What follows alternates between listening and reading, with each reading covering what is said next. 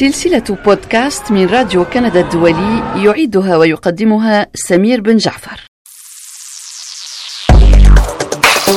أهلا بكم في سلسلة بودكاست من راديو كندا الدولي والتي نخصصها لتعليم اللغة العربية في كندا. وضيفي اليوم هو السيد محمد بوداش مدير مدرسة الحياة التابعة للمركز الثقافي الجزائري في مونريال. وللإشارة فإن المركز جمعية مستقلة. أهلا بكم أستاذ محمد بوداش. مرحبا بك أستاذ سمير. أستاذ محمد بوداش هل يمكنكم أن تعطونا فكرة أو نبذة عن مدرسة الحياة في مونريال؟ والله مدرسة الحياة هي مدرسة تابعة للمركز الثقافي الجزائري.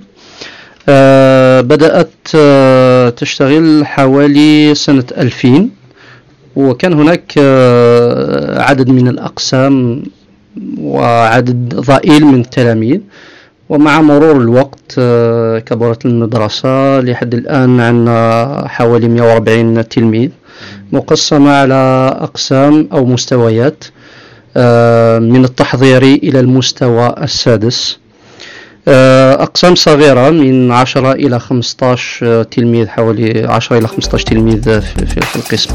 تلاميذ يتعلموا اللغة العربية بصفة عامة.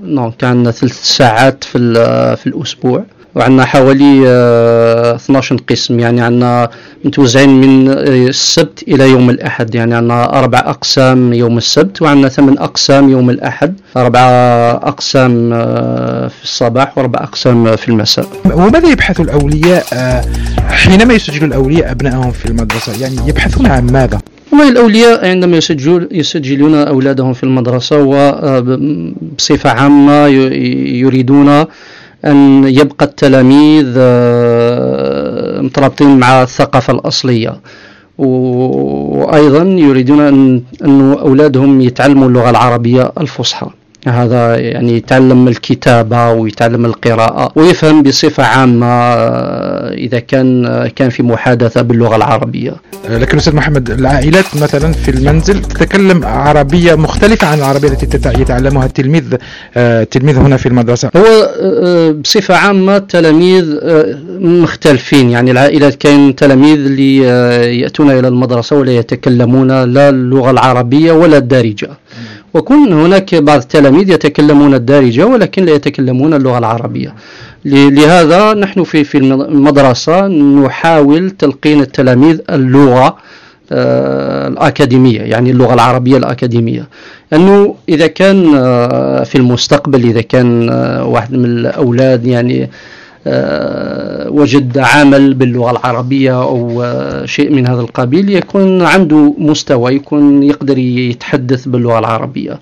أستاذ محمد بوداش إدارة المدرسة تحتاج إلى أموال.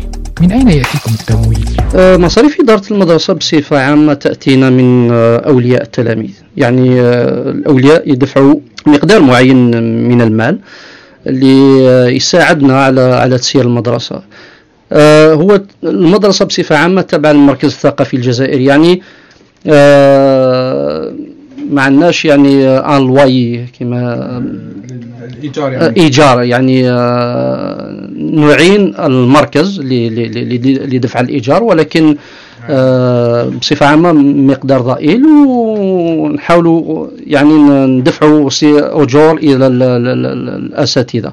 ولكن الإدارة والمتطوعين بصفة عامة هم متطوعين يعني ما عندهمش ما عندهمش أي ما ندفع لهمش أي إيجار.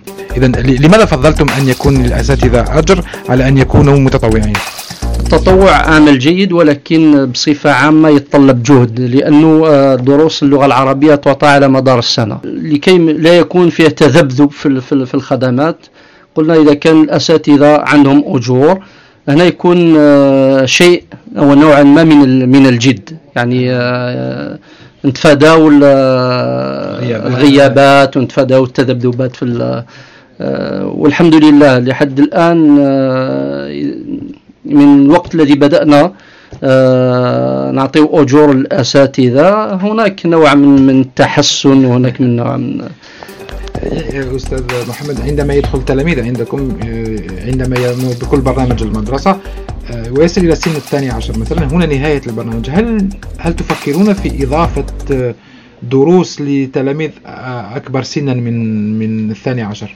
المشكل الوحيد اللي عندنا هنا في المدرسة هو ما ما ندرة الأقسام. يعني عندنا أربع أقسام فقط. وهذا شيء يحدد من من لو كان عندنا إمكانيات أخرى لكنا خرجنا إلى مدرسة أكبر وفيها عدد كبير من الأقسام ولكن الإمكانيات التي عندنا لحد الساعة لا تسمح لنا بذلك. لذا آه للأسف الشديد إذا كان وصل التلاميذ وصلوا لسن 12 13 سنة نحاولوا نعملوا نشاطات أخرى ولكن آه العربية آه هذا هو الحد الأقصى. وهل هل يتعلم التلاميذ في الدروس العربية دروس دينية أو هي فقط مختصة في اللغة؟ هي بصفة عامة اللغة العربية. نحاولوا نركزوا بصفة عامة على اللغة العربية لأنه المساجد تلعب هذا الدور بصفة عامة. وهناك تلاميذ اللي تقرأ يقراوا القرآن في في المساجد. إحنا في في المركز نحاولوا نركزوا على اللغة العربية بصفة عامة. شكرا لك أستاذ محمد بوداش. شكرا أخ سمير. كان هذا محمد بوداش مدير مدرسة الحياة لتعليم اللغة العربية في موريال سلسلة بودكاست من راديو كندا الدولي يعيدها ويقدمها سمير بن جعفر.